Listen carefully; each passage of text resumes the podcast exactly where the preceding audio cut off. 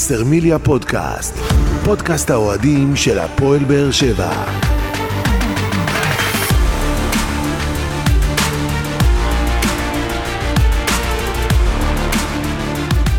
שלום לכם וברוכים הבאים לפרק מספר 10 של וסרמיליה פודקאסט, סדרת פודקאסטים שמלווה את הפועל באר שבע לאורך העונה ותנסה להתמקד בנושאים שאתם, אוהדי הקבוצה, תעלו בפנינו בפלטפורמות אה, השונות.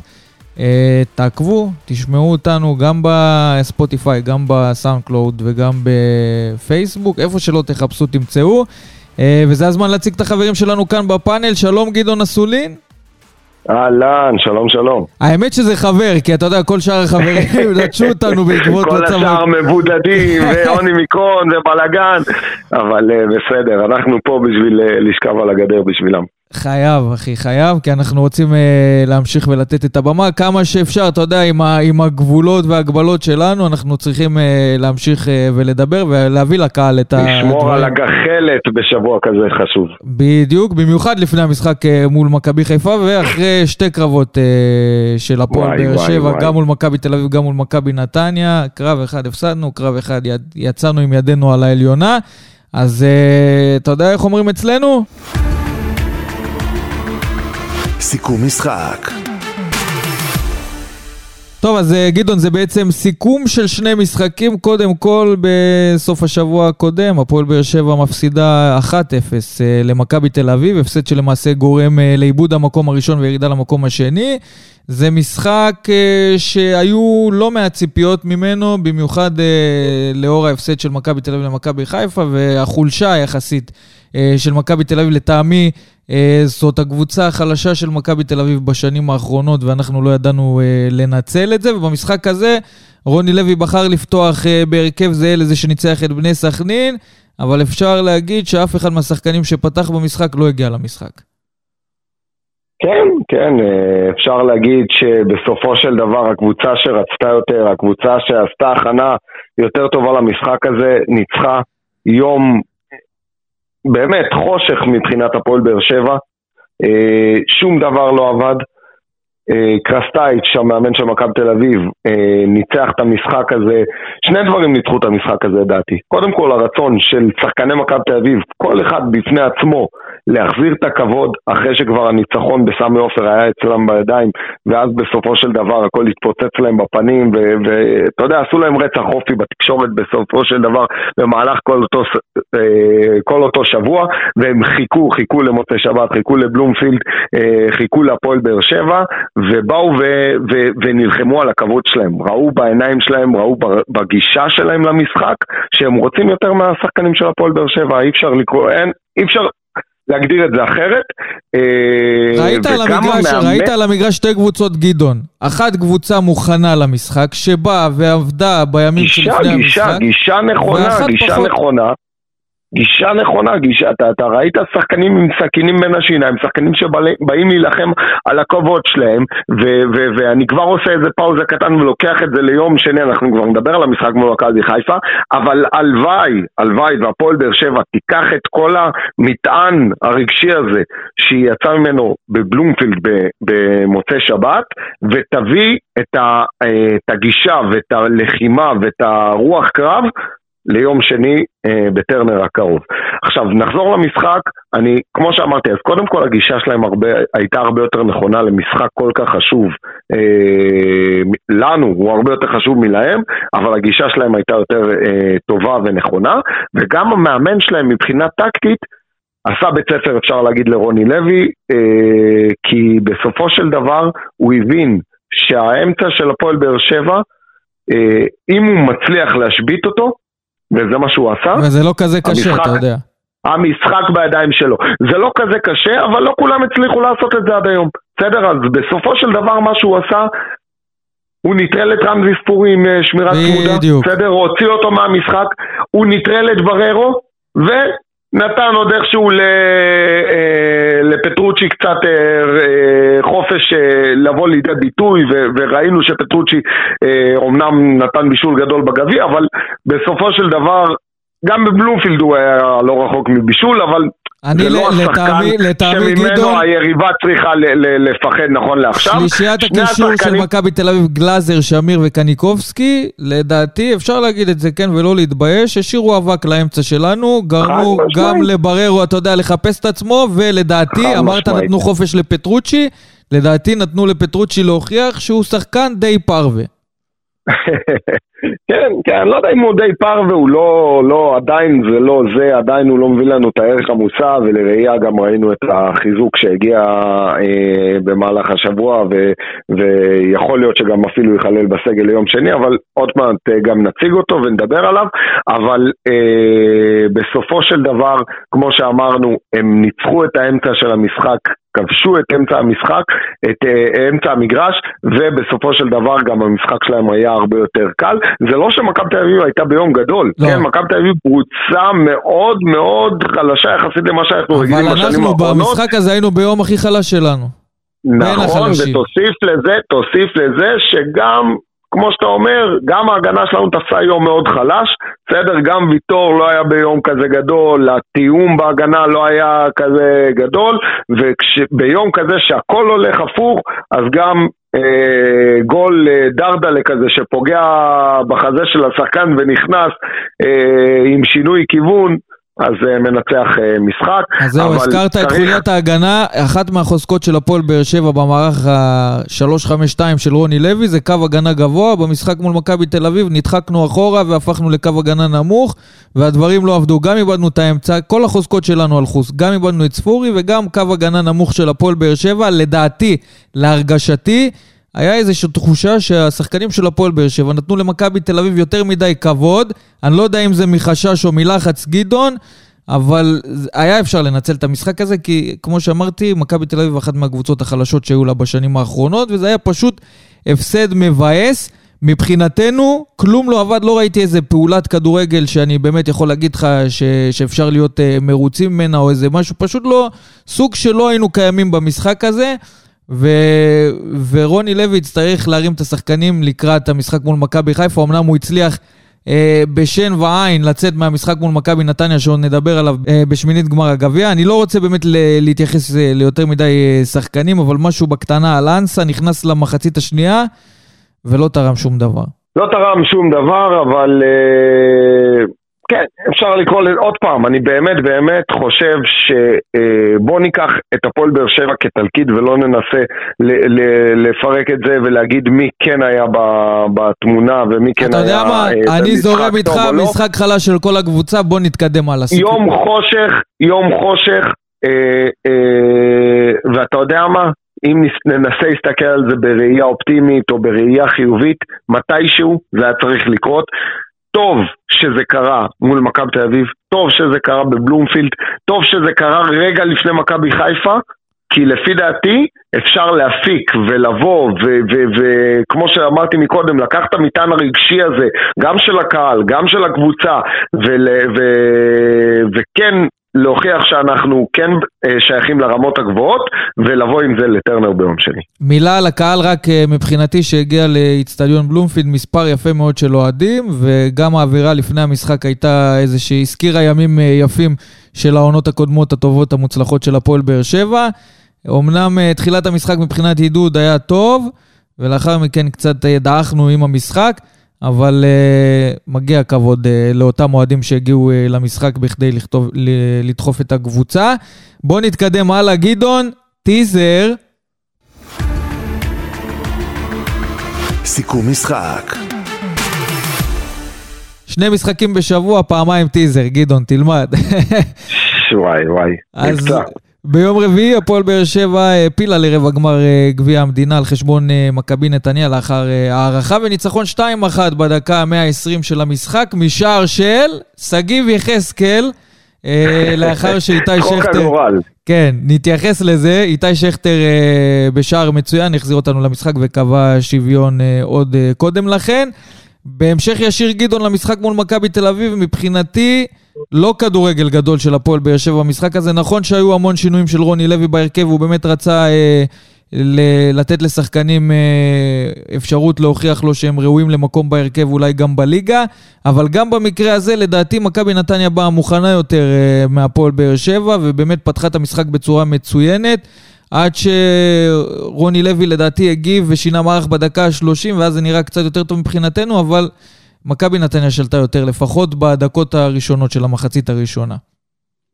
כן, ואתה יודע, אומרים סוף טוב הכל טוב, אבל בסופו של דבר אה, אנחנו כאן אה, הילכנו על אה, חבל דק ובקלות, בקלות יכלנו להסיט את המשחק הזה, ואם אתה שואל אותי, אני חושב שהמשחק ביום רביעי הרבה יותר חשוב בחשיבות שלו מהמשחק אה, ביום שני מול מכבי חיפה. כי אה, מול מכבי חיפה זה ליגה, הליגה הזאת לא תוכרע עכשיו, היא תוכרע רק בפלייאוף, יהיה לנו עוד מפגשים, אה, גם אם אנחנו ננצח ונעבור אותם, גם אם הם ינצחו ויפתחו פער של ארבע נקודות, או גם אם זה יסתיים בתיקו, עדיין יהיה הזדמנות לשתי הקבוצות לתקן את, ה, את uh, מה שקורה, ובטוח שגם שתי הקבוצות עוד יאבדו הרבה נקודות בדרך.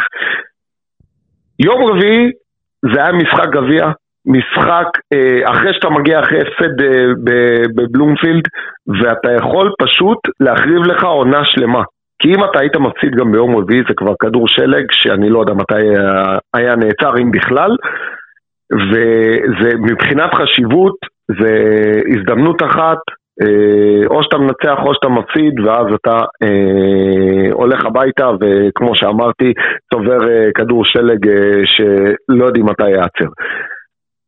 רוני לוי, או לא יודע איך תתייחס לזה, זה היה נראה כאילו הראש של כולם, גם איפשהו, גם, אה, גם מהצד של הקהל, גם מהצד של הקבוצה, אולי חלק מהשחקנים, הראש שלהם כבר בטרנר אה, מול מכבי חיפה, פחות התייחסות למשחק מול מכבי נתניה, ולכן אנחנו גם ראינו קבוצה, ומכבי נתניה קודם כל זו קבוצה אה, מסוכנת, זו, זו הגרלה סופר קשה, קבוצה נמרצת, קבוצה שיש לה כלים התקפיים מצוינים, באמת מצוינים, החלק ההגנתי שלה קצת אה, יותר פרוץ, ושם זה נקודת החולשה שלה, אבל מבחינה התקפית הם באמת מצוינים. ומכבי נתניה זה היה המשחק הכי חשוב שלה מתחילת העונה, הם באו באמת מהרגע הראשון להתפוצץ. ובהקשר ישיר למשחק שראינו במוצאי שבת מול אה, מכבי תל אביב, ראינו את הפועל באר שבע באה בגישה אה, ככה די רכה, ראינו את בררו אולי במשחק הכי חלש כן. שלו, למרות שבמחצית השנייה הוא, או בהערכה תקרא לזה, הוא קצת התעשת וקצת התחיל להראות את הדברים, וקו ההגנה, אתה יודע, בהתחלה כשוויטור קיבל אז את הצהוב השני ואת ה, כביכול את הצהוב החמישי ו, והוחלט שהוא, ו, וידענו שהוא לא ישחק מול מכבי נתניה, אז יגאל ברמן בסיכום משחק אמר שהוא לא אהב את זה, אמרתי לו, תשמע, בסוף זה איפשהו איזה מהלך אסטרטגי, אבל אני לא לקחתי בחשבון שבאותו יום בבוקר יקו השרירים לחאתם אל-חמיד ורוקאביצה פתאום יחליט שהמשחק ביום שני אולי יותר חשוב, אבל עוד פעם, וזה מה שמקשר למה שאמרתי מקודם, הגישה הייתה מאוד מסוכנת מבחינת הפועל באר שבע, כי זה משחק היה סופר חשוב. סופו של דבר כן הצלחנו לנצח... אבל אתה יודע, גדעון, גם אנחנו, אנחנו מדברים על הגנה חזקה של הפועל באר שבע והגנה טובה. ב... ארבעה מחמישת המשחקים האחרונים, מחמשת המשחקים האחרונים, אנחנו ספגנו. נכון, אה, טוב, תראה, עוד פעם, כשאתה... אין מה לעשות, אה, יש לך, אתה, אתה משחק, לא, תראה, אתה משחק כי, כי אתה משחק אומנם שלושה בלמים, אבל אתה משחק שלוש, חמש, שתיים ואתה יוצא קדימה. אתה איפשהו כן נחשף מאחור, ובסופו של דבר אין בעיה עם זה שאתה סופג. גם אם אתה סופג כל משחק, תספוג את האחד, אתה יודע לתת את השתיים, זה מעולה, הכל בסדר. אבל בשני משחקים האחרונים, מה שקצת אה, לא התרגלנו לראות במהלך העונה וראינו בשני משחקים האחרונים, זה חוסר תיאום די טוטאלי בקו ההגנה. אז בוא, וזה, בוא נדבר על השורה התחתונה של הפועל באר שבע. בסופו של דבר הקבוצה עשתה את שלה אה, מבחינת ההעפלה לרבע גמר אה, גביע המדינה. אני מאמין שגם... בהפועל באר שבע מבינים שזה לא הכדורגל שהם צריכים להציג, וזה לא הכדורגל שהם יודעים להציג, כי אפשר לצפות מהפועל באר שבע לקצת יותר, גם בהרכב שפתח מול מכבי נתניה, אם הוא לא ההרכב הראשון. גם מי ששיחק היה יכול אה, לתת יותר אה, מעצמו. בואו נדבר ככה בזריזות על כמה שחקנים שקיבלו הזדמנות אה, מרוני לוי, ולדעתי לפחות לא ניצלו אותן. אולי אתה תחשוב אחרת. קודם כל רועי גורדנה, לדעתי קצת מאכזב. במה שהוא מציג על המגרש, כשהוא מקבל הזדמנויות, נעלם. פשוט לא קיים, כן, חלש נעלם. מאוד. בגדר נעלם. אין, אין, אין לי איך להגדיר את זה אחרת. אני כבר אמרתי את זה בכמה הזדמנויות אחרות. שחקן שאני אישית די אוהב אותו, די אוהב את מה שהוא מביא, אוהב את העבודה שלו. אין, לא, לא, לא מקבלים ממנו כלום מתחילת העונה, והוא מקבל את ההזדמנויות פה ושם, אבל כנראה שהוא... רוני לוי ואריק בנאדו גם רואים את זה באימונים, כן. ולכן גם... בהזדמנויות הוא שהוא לא מקבל. מקבל, הוא לא מוכיח שהוא צריך לקבל לא, הרכב. לא, ממש בוא ככה. נסתכל קדימה, יוג'ין אנסה, אה, אמרתי על המשחק מול מכבי תל אביב שבמחצית השנייה היה חלש, אז מול מכבי נתניה הוא קיבל אה, מחצית ראשונה, ולדעתי בכלל סוג של אה, רוח רפאים על המגרש, גם הוא לא קיים, לא ראיתי ממנו איזה מעורבות בפעולה התקפית מסוכנת, פשוט גדעון כלום.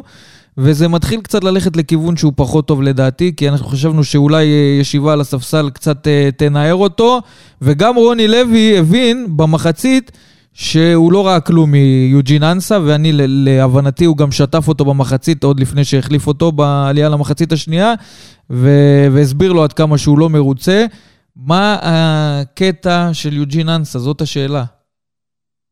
אני חושב שזה אותו קטע של, אה, של שגיב יחזקאל, זה שני שחקנים שאנחנו יודעים שיש להם משהו ברגליים, שני שחקנים שאנחנו יודעים שהם יכולים לתרום לקבוצה, ובסופו של דבר לא, לא מביאים את הקבלות, לא מביאים את הקבלות, אה, כדורים שבורחים להם, הח, החמצות אה, מסמרות שיער, אה, דברים פשוטים שלא מתחברים, השאלה, אני גדעון, באמת שאני, באמת שאני לא יודע, יכולת או אתה רואה מנטלית? זאת לעומת- השאלה. אתה רואה ש- אתה רואה שאת יכול, אתה רואה שאת- יחזקאל לעומת זאת כן מקבל את ההזדמנות וכן וכן וכן ובסוף כן נתן את השער ניצחון אה, למרות שאם אני המאמן על הקווים לא בטוח שאני משאיר אותו על, אה, על, אה, עד אותה דקה.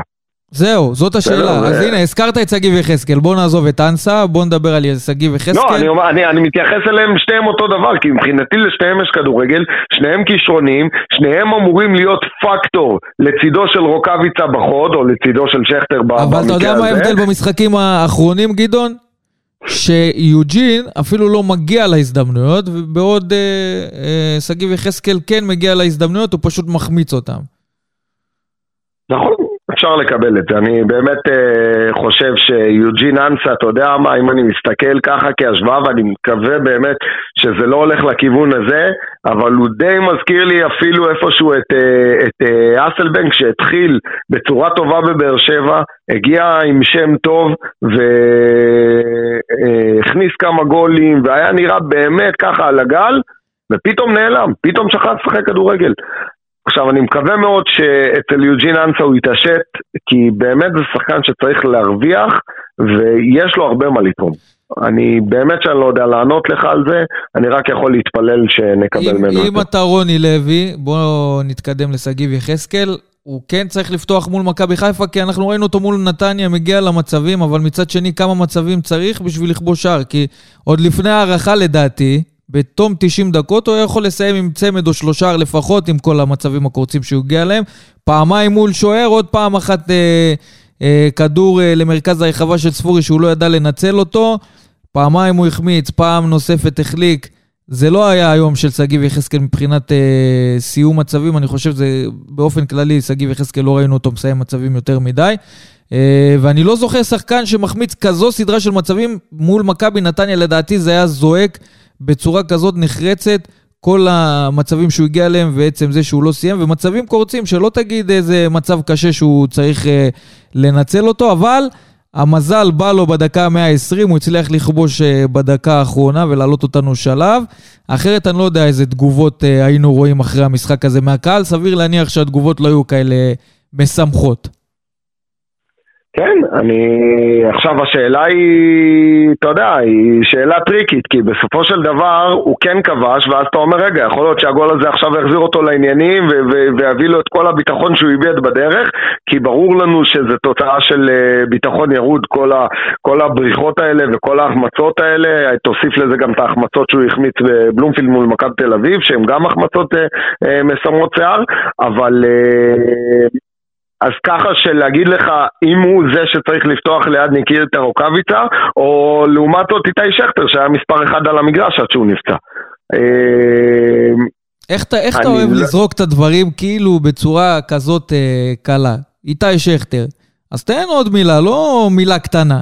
לדעתי הווינר של זה? המשחק מה? הזה, הווינר של המשחק הזה, איתי שכטר... קודם, קודם, קודם כל הווינר, אמרנו את זה, הווינר של העונה הזאת. בסדר? איתי שכטר זה הווינר של העונה הזאת. זה שחקנים, הוא לקח מועדון אה, עם תלכיד של שחקנים כישרוניים, אבל רובם נאיבים, והחדיר בנו רעל טוב תקרא לזה. רעל של חבר'ה תילחמו על כל פאול, תעמדו על כדורים, ת, ת, ת, ת, תציקו לשופט, תרימו את הקהל, כל הדברים הנלווים לכדורגל יש לאיתי שכטר, ואתה רואה שזה גם מחלחל. הזה הוא הביא רגע של ווינר, כשהקבוצה פחות הולך לה, בדקות קצת פחות טובות, ומחזיר אותנו לחיים עם שער, אתה יודע, ברגל שמאל ולחיבור. אתה מאמין מאיתי שכטר?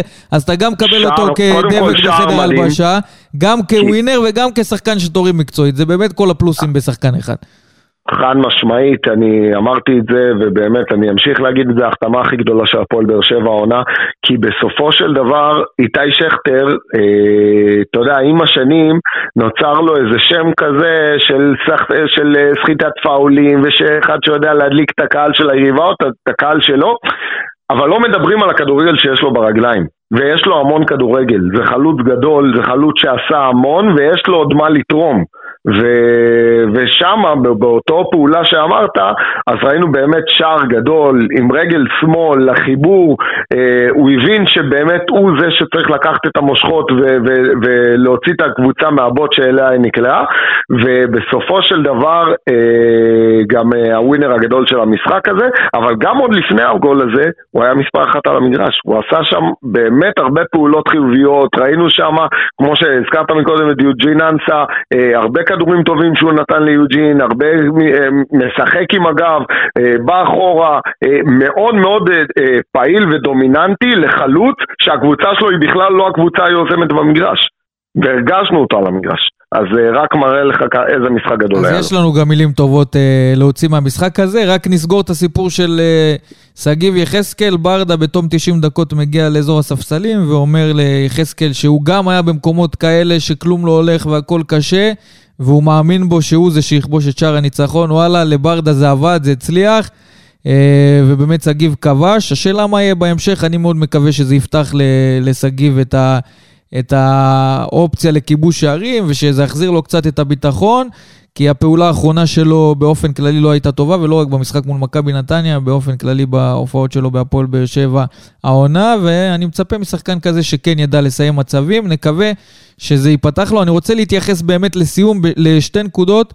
אה, רק נקודה אחת חשובה, הזכרת כאן את ברדה, וכמה חשוב הליווי והייעוץ הזה, וה, והמילה טובה מפיגורות וממנהיגים שגם מחוברים למועדון. בסדר, זה מזכיר לי לפני אומנם הרבה שנים, אבל בעונת גביע של... אה, בגביע הראשון של הפועל באר שבע, גדי חזות, היה לנו משחק מול הפועל פתח תקווה, גדי חזות, אה, הפועל פתח תקווה קבוצה מצוינת באותה עונה, גדי חזות אה, נפצע שם לקראת דקה 90, סתיו אלימלך, בא מרים אותו, היה לנו מצב אה, נייח מ-20 מטר אה, ככה בעיטה ישירה, סתיו אלימלך מרים אותו בכוח, אומר לו רק אתה בועט את הכדור הזה, אתה גם מכניס את הגול הזה, זה בדקה 90, הוא מדעדע, בועט, מכניס גול, ו- ו- והוא, והוא הקדיש את זה גם לסתיו אלימלך, הוא אומר, בזכות זה שהוא דחף אותי, בזכות זה שהיה לי מנהיג לידי באותו רגע, אז ידעתי. אז גם כשאנחנו חושבים שהם שחקנים, ובאמת הם שחקנים גדולים, כל מי שצחק ויש לו ניסיון והכל, כשהוא בא ומקבל מאיזה פיגורה מהצד, עוד איזה עצה, עוד איזה הכוונה, זה כל כך משמעותי וכל כך חשוב שיש לנו אה, גורם כמו אליניב ברדה במערכת. חד משמעית. בואו נתייחס לנקודות שאני רציתי להעלות. קודם כל, אה, דור מיכה, לדעתי, חילוף ששוב אה, לא בא בזמן טוב לדור מיכה, כי אתה יודע, אולי לא המשחק הכי גדול שלו, אבל כן היה מעורב בפעולות, גם הפס לאיתי שכטר בגול, גם גול שכבש ונפסל, אתה יודע, גבולי, אה, וגם, אתה יודע, הפעולה האחרונה לפני החילוף של רוני לוי, זה כדור גדול לשגיב יחזקאל שהשאיר אותו מול שוער, ו...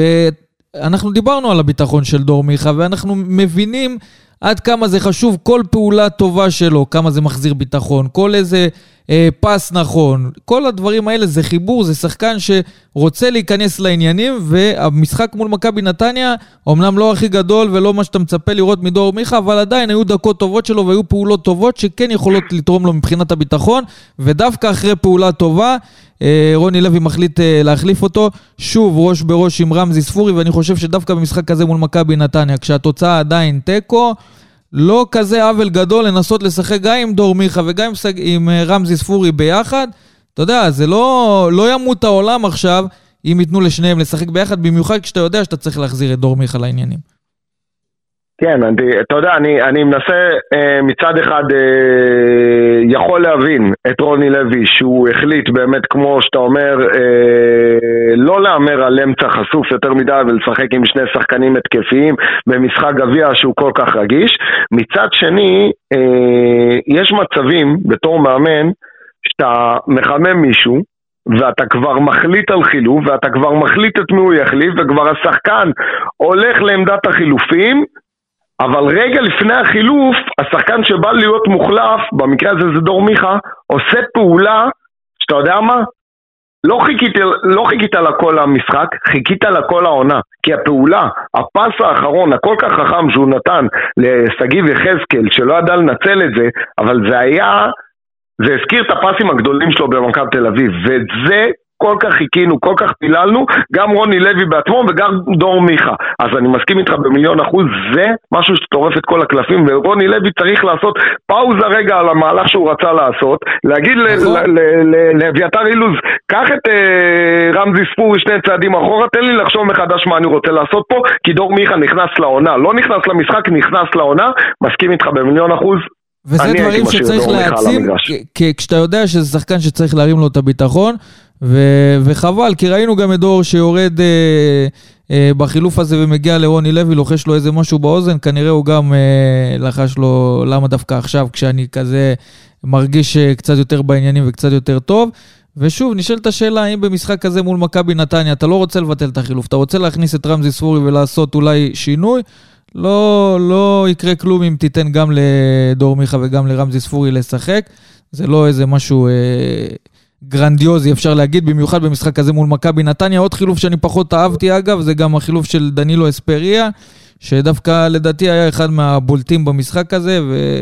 וגם החילוף שלו, אולי עם חשיבה למכבי חיפה, אני לא יודע, אבל... אה, כן, כן, אני, אני, אני חושב ששם זה היה הנקודה. אה, מסכים איתך, דנילו אספריה באמת אה, במשחק טוב, אחד מהמובילים של הקבוצה ביום שהוא לא גדול, אבל שוב עשה הרבה פעולות חיוביות, הדביק איתו, אתה, אתה יודע, את השחקנים ברוח לחימה שלו, באנרגיות המטורפות שיש לו, ואני חושב שהוא גם היה במשחק טוב יחסית. אמ, היה שם איזה חשיבה לדעתי גם אה, לשמור קצת כוחות מעבר לזה לקראת מכבי חיפה. ולסגירת האירוע הזה שנקרא משחק מול מכבי נתניה, אחרי פציעה ארוכה אריאל הרוש חוזר לשער. אה, משחק די סולידי שלו, גדעון, בלי יותר מדי טעויות, עדיין, אני חושב שלדעתי במשחק מול מכבי חיפה, יהיה נכון לפתוח עם גלאזר. זה, עוד פעם, בוא, בוא נחלק את זה לשניים. אם מי יחליטו לפתוח מול מכבי חיפה, אז באמת יש צוות מקצועי ויש לו כאב ראש, אתה יודע מה, הרבה זמן לא ראיתי כאב ראש כזה בריא בין שני שוערים, שבאמת שניהם טובים, ושניהם בפורמה טובה, ושניהם אה, יכולים לתת את אותה תפוקה מבחינתך כמאמן, אז אה, נשאיר את זה באמת לשיקול של הצוות המקצועי, ואני חושב שאריאל הרוש היה במשחק גדול, אה, אתה יודע, אחרי הרבה מאוד זמן שהוא לא... שהוא שהוא לא עמד בשער, אה, זה לא פשוט לבוא ולהציג יכולת כזאת ולהציג ביטחון כזה, והרגשת שם נוכחות, במיוחד במשחק שאתה משחק עם, אה, רק אולי עם בלם אחד מה, מהבלמים הקבועים שלך. מה שכן, כאילו, מה שכן צריך לתת לו מילה טובה על משחק רגל של ארוש, קודם כל תענוג, ראית כדור, ראית כדור של בררו שהחזיר לו כדור יחסית מסוכן, הוא השתלט עליו, ובטכניקה יפה אפשר להגיד. תמיד היה לו, וזה מצרך נדיר לשוער. בסדר? לא כל שוער מתברך במשחק רגל אה, וזה סופר חשוב, ו... אבל באמת אני חושב שהיה לו משחק גדול, ושוב אני חוזר לזה שהוא שיחק עם אה, הגנה יחסית מאולתרת, בסדר? אז גם חתם, גם ויטור, מנהיגים דומיננטיים אה, במרכז ההגנה שחסרים לך ואתה בא ואתה עדיין משרה את הביטחון על שחקני הגנה, גם הקישור האחורי כמו שאמרנו, בררו במשחק חלש, הפועל באר שבע די הייתה חשופה ואני חושב שצריך לתת כאן הרבה נקודות זכות לאריאל הרוש על הניצחון הזה. אז אנחנו נמשיך אה, לדבר על זה בהרחבה לקראת המשחק אני רק רוצה ברשותך, רק ברשותך לציין עוד שלושה שחקנים שמבחינתי אה, היו טובים והביאו שינוי, קודם כל דוד קלטינס שמבחינתי זה סמל למופת, סמל למקצוען. אה, אני חושב שכל מאמן רוצה להתברך בשחקנים כאלה, שחקן שיודע, אתה יודע מה, ב... למרות שהוא באמת היה, בא ממועדון גדול והיה מוערך שם, מגיע לפועל באר שבע, לא, אין לו גינונים של כוכב, שקט, עובד, וכל פעם שהוא נקרא לסמל, הוא נותן את התפוקה, וכל פעם שהוא נקרא לסגל, הוא עושה עבודה אה, שקטה וטובה, וגם כאן אני חושב שהיה לו משחק לא רע בכלל, והוא היה, והיה לו נוכחות במשחק הזה, ו... עוד אה, על חילוף אחד של אה, רוני לוי, דדיה ויוספי הכניסו כל כך הרבה שינוי וכל כך הרבה אנרגיות טובות לקבוצה במחצית השנייה, שאפו גדול. טוב, אז הזכר, הזכרנו כמעט את כל השחקנים, עוד שחקן אחד שלא הזכרת זה רותם חתואל, אז נזכיר אותו רק בשביל שנזכיר אותו, אתה יודע, גידו. לא, רותם חתואל אמרנו, כשהוא נכנס כמחליף, אה, במיוחד בדקות האלה, אז כן הוא מביא איתו אנרגיות, וכן הוא מביא איתו בדרך כלל דברים מעניינים. בוא נגיד, אני ראיתי מרותם חתואל יותר ממה שראיתי מיוג'ין אנסה. אה, נכון, נכון, אפשר להגיד את זה בקלות. טוב, אז סיכמנו את המשחק מול uh, מכבי תל אביב, סיכמנו גם את המשחק uh, מול מכבי נתניה. בואו נתקדם הלאה.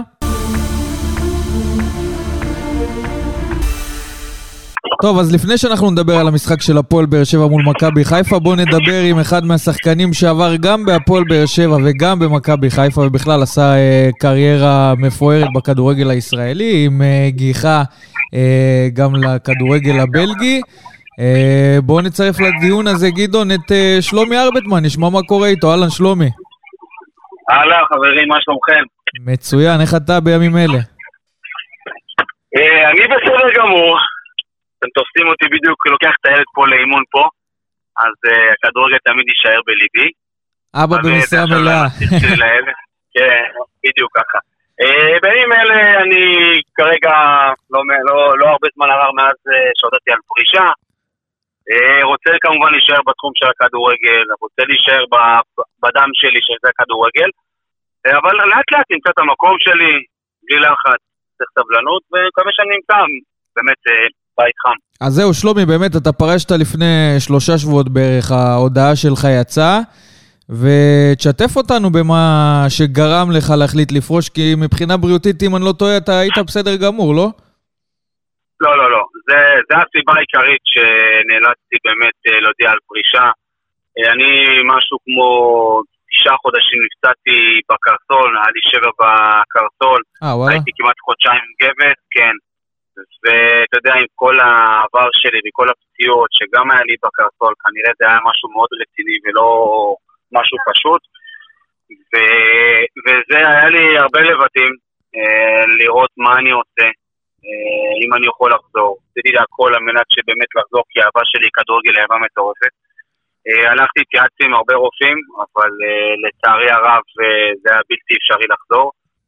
והיה לי קשה, וחיכיתי ועוד האמנתי שאולי אני כן יכול לעשות משהו, אבל לצערי הרב הייתי חייב באמת להודיע ולפרוש מהכדורגל, שזה כל החיים שלי. כן, החלטה לא פשוטה, לא קלה, אבל אין, אין, אין משהו אחר. אם היה אופציה אחרת, הייתי נלחם והייתי נמשך, ממשיך, והייתי יכול להמשיך עוד הרבה שנים, אבל הפציעה הכריעה, לצערי הרב, ממשיכים קדימה, אין מה לעשות. שלומי, אה, איך אתה מסכם ככה בראייה לאחור את הקריירה שלך? אתה מרוצה ממנה? אתה חושב שמשהו התפספס בדרך? הגשמת אה, את כל החלומות שלך?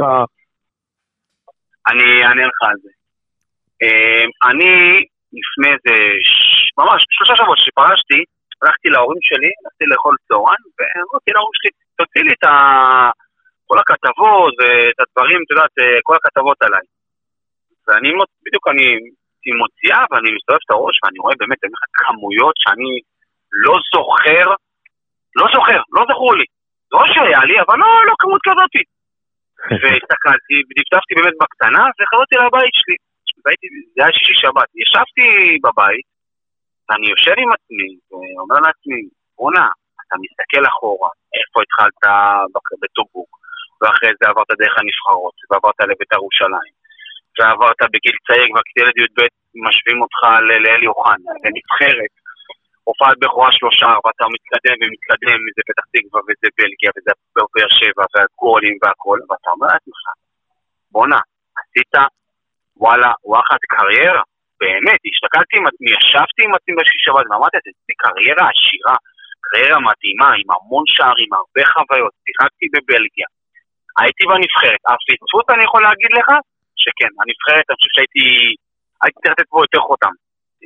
יש לי רגעים שהייתי צריך לקבל כן זימון שהייתי בבלגיה, כי הייתי בתקופה טובה, לא קיבלתי, אבל אה, זה אני יכול להגיד לך הפספוס הגדול. הפספוס זה להצליח יותר בנבחרת, להיות יותר דומיננטי, ולקבל כמובן יותר אה, זימון ויותר הופעות בנבחרת. זה, זה אחד הפספוסים. אה, כן, גם כשיצאתי לבלגיה, אני חושב שיכולתי לצאת לליגה הרבה יותר גבוהה, אבל זה מה, ש, זה מה שהיה נכון כרגע לעשות, אבל הנבחרת יש פה, יש פה פספוס. והתחנה... בהחלט, אתה גם, אתה גם התחלת את ה... את ה... היה לך הופעת בכורה חלומית, אה, שלושה נכון. אה, מול אזרבייג'אן, ואתה היית באמת ילד הפלא, ילד הקסם, אה, הילד שכולם דיברו עליו, והתחלת בצורה הכי גבוהה שיכולה להיות. אתה שואל אותי, גם לי אין את התשובות האלה, לא יודע למה זה התחפש. כן, כן, כן, אני מסכים איתך, זה גם לי היה פספוס, ישבתי עם עצמי ואמרתי, באמת פתחתי בצורה מדהימה, שלושה... ואחרי זה היה לי, היה לי, הייתי, שיחקתי ונכנסתי, ויצאתי עם הקבוצות למחנה אימונים ומשחקים והכל, אבל עם הזמן, כנראה אולי מהדקות משחק שהייתי גם במכבי חיפה, שהייתה, זה היה עם קולאוטי וקטן וכל ה... אתה יודע, כל השמות, והייתי מין צעיר כזה, אז לקח לי ולא ראיתי הכי דקות משחק, ואחרי זה בלגיה, שאתה בקושי כאילו מקבל את הדקות בין שערים, אבל לא באופן, אתה יודע, באופן אה, רציף. וכנראה שזה, שזה מה ש... לא גרם להיות בנבחרת ממש באופן קבוע. אבל, אבל אה, מה אני אעשה, באמת זה פיסוס, זה כואב לי, אבל... אה, הנושא של הנבחרת הוא כאוב לכולנו, כי אני חושב שאתה מצטרף לרשימה של שחקנים כל כך מכובדים, שעשו קריירה מטורפת, אבל כשאתה מסתכל, אתה אומר בואנה, אבל מה עם הנבחרת? אם אני נכון, מסתכל נכון. עכשיו ב, ככה בשליפה, מאור מליקסון, מאור בוזגלו, ליאור רפאלוב, שחקנים שאתה אומר, בואנה, איך הם לא היו חלק אינטגרלי מהנבחרת? ובהחלט אני מכניס אותך ברשימה הזאת. אני מסכים איתך, אין ספק, כל מי שאמרת באמת שעשה קריירה מדהימה, וטייק בחו"ל, ובאמת, אה, בנבחרת, זה היה פה של פספוס, כל מי שאמרת אתה צודק. וזה באסה, זה מבאס, כי באמת זה כל כך קריירה היפה. אני מדבר באמת כרגע על עצמי. אתה עובר עם כל הקבוצה קבוצה, באמת, קבוצה קבוצה אתה עובר ואתה משאיר חותם, ואתה אהוב על כולם, וכולם אוהבים אותך, ואם זה הקהל, ואם זה המועדון והשחקנים, ואתה חבר'ה בחדר הלבשה. מגיע נבחרת שזה באמת, מייצגת את המדינה שלך. ויש פה פספוס, וזה באמת משהו שאני... כואב, כואב לי שלא הצלחתי להשאיר איזשהו משהו שיזכרו אותי אפילו עוד, אבל אתה יודע מה, אני, אני גאה בדרך שלי, אני שמח על הקריירה העשירה והמפוארת שעברתי, ועברתי הרבה קבוצות והרבה מאמנים, אבל אני שמח מאוד שבאמת זוכרים אותי, ואני גאה על הקריירה שלי. זהו, אז, אז באמת הנבחרת זה קטע שהוא קצת אה, יותר בעייתי, אני חושב, להרבה שחקנים, כי בסופו של דבר נבחרת ישראל הוכיחה שיש איזשהו מספר של שחקנים שאיתם היא רצה. ולא משנה מה קורה נכון, נכון. בקריירות הפרטיות שלהם מחוץ לנבחרת. זה מה שקרה גם, כן, נכון, אני מסכים איתך, אתה שאני קוטע אותך, אבל זה מה שקרה כן, כשהייתי גם בבלגיה, היו זימונים כבר... אה, ידועים מראש. בדיוק, ברור, אני יודע את זה. אני יכול להגיד לך, באותה תקופה היינו בבלגיה, שם ברק בדש איתנו, והוא היה גם בתקופה אדירה, וישבנו, אני לא אשכח, היינו רואים אצלי משחקים, והיינו, באמת, הוא היה גם מחכה לזימון, כי היה בכושר מטורף. ואתה יודע מראש שהדברים אה, לא תלויים בך. וזה גם משהו שאני יכול להגיד לך את זה, זה משהו שכן הרגשתי את זה. ולא לא הבנתי למה, ואני גם דיברתי זור שמה, שבתקופה טובה, ואני לא יודע למה לא זומן, אבל יש כבר, כמו שאמרת, הדברים, הדברים ידועים מראש. חבל מאוד, אבל ממשיכים קדימה, זה הכל בסדר, בעיקר אתה יודעים מי אתה ואת התפוקה שנתת גם איפה, ש, שלא היית, השארתי חותם, אז ככה ש... נשאיר את זה בצד. בוא נדבר על ההחלטה שלך לחזור לארץ אחרי הקריירה בבלגיה, ובחרת להגיע להפועל באר שבע. קודם כל, מה, איך הגעת להחלטה לחזור לארץ, ולמה דווקא להפועל באר שבע? אמ, אחרי ארבע שנים בבלגיה רצו, רצו שאני אשאר. אה, חיכיתי, התלבטתי, כי היו לי הרבה הצעות אה, מהארץ, וראיתי שהפועל באר שבע בונה משהו חדש, שיניב ברדה חזר לארץ, ובוזגלו לא מצטרף. ואז אני זוכר במסיבת עיתונאים הוא אמר תביא את שלומי הרבה זמן, וזה מליקסון. ובדיוק הסוכן שלי היה אבי נימי, ואני אומר לי, שלומי, באר שבע מאוד רוצה אותך. אה, הייתי בדיוק בבלגיה, חזרנו לישראל, נתנו לו חופשה עם המשפחה, וכשהייתי בקפריסין קיבלתי טלפון מאבי נימי, ויש לנו פגישה למחרת או, יום כמה ימים אחרי, עם רול באר שבע, יושבים, ובואו נראה מה יהיה. וידעתי שבונים משהו חדש בבאר שבע, יש לי משפחה בבאר שבע, אני אוהב את העיר באר שבע, והייתה לי הרגשה טובה שהולך להיות משהו חדש, ואני שמח מאוד שביום הראשון שהגעתי לשם קיבלתי אהבה מטורפת מהקהל, הייתי באמת, אה, אני מכיר את וסטרמי, אני מכיר את, אה, היו חברים בבאר שבע, אז לבוא ולהתאחד איתם ביחד ולהיות איתם, ובאמת אני מאוד שמח שהגעתי לשם, החלטה, באמת החלטה טובה, שהגעתי להפועל באר שבע, דווקא להפועל באר שבע, ואני יכול להגיד לך שבאמת, כאילו, אני, אני לא רציתי ללכת מהפועל באר שבע, אבל לא הייתה לי ברירה. ואני שמח יותר מזה שיש לי חלק מכל האליפות הראשונה, ושהתחלתי עם המועדון הזה. אז ככה שיש לי, אני צריך אני גם להיות, אני, אני יכול גם להיות גאה שהגעתי למועדון הזה, ותראה איפה הוא פורח ואיפה הוא היום. וגם uh, השער שכבשת מול הפועל חיפה במספרת, שער העשור של אוהדי הפועל באר שבע, זה אחד מהשערים הגדולים שנכבשו באיצטדיון טוטו טרנר, לדעתי עד היום. קודם כל תודה רבה. מה זה אחד הייתי... רגע, רגע, אני חייב לעצור אותך. יאללה, תחדד, תחדד אותי, גדעון.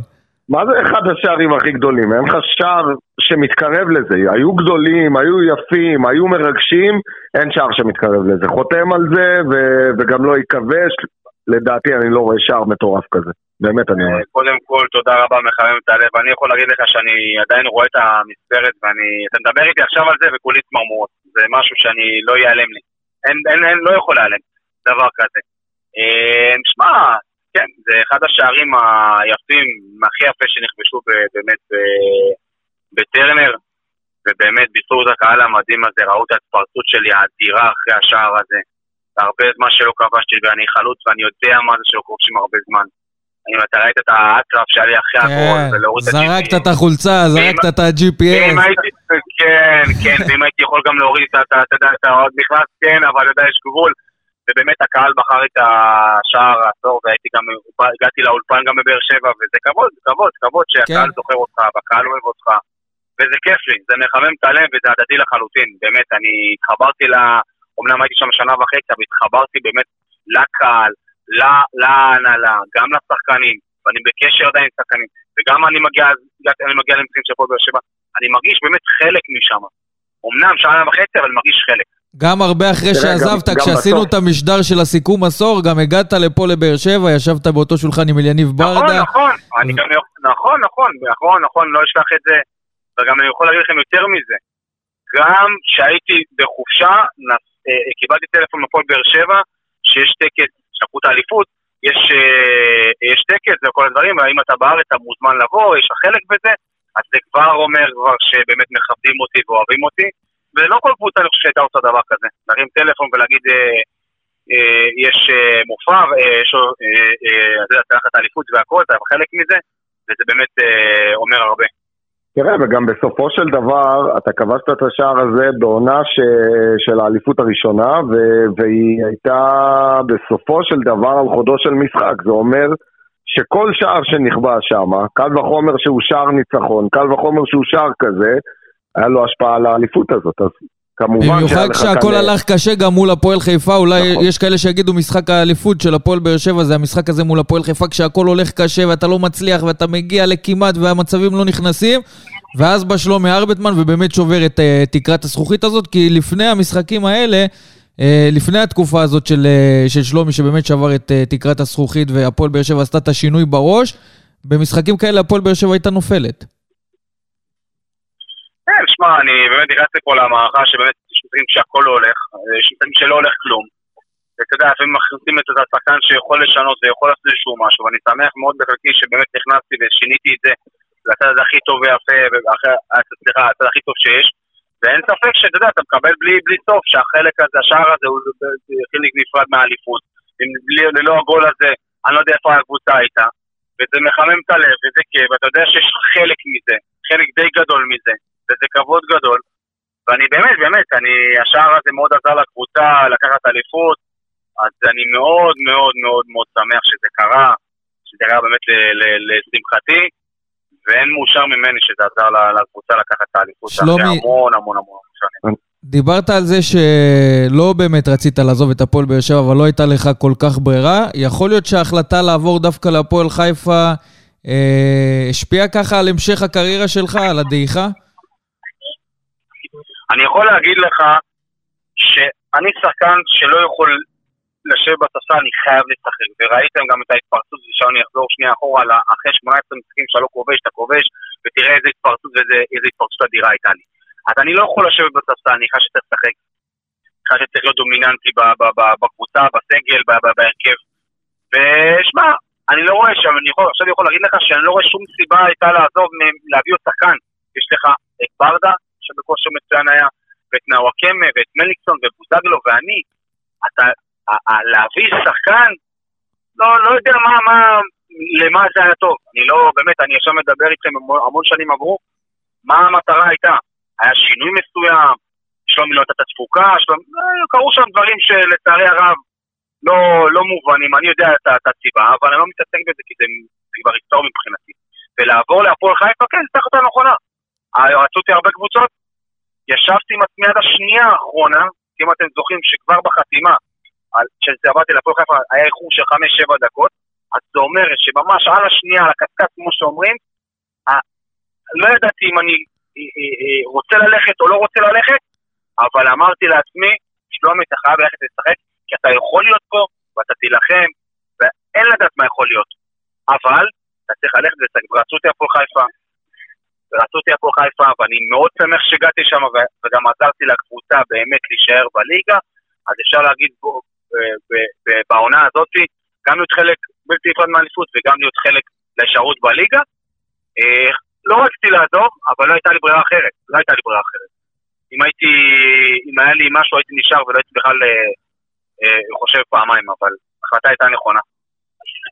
אתה יודע, אני אחזיר אותך טיפה אחורה, הוא דיבר מקודם על, אה, על אה, משפחה בבאר שבע, אז אה, אני יכול, איזה קוריוז קטן, היה לי חבר שהוא במקרה בן דוד של שלומי, אביחי צ'אנח, והיום אני כבר לא בקשר, אבל אז היינו חברים טובים, ו...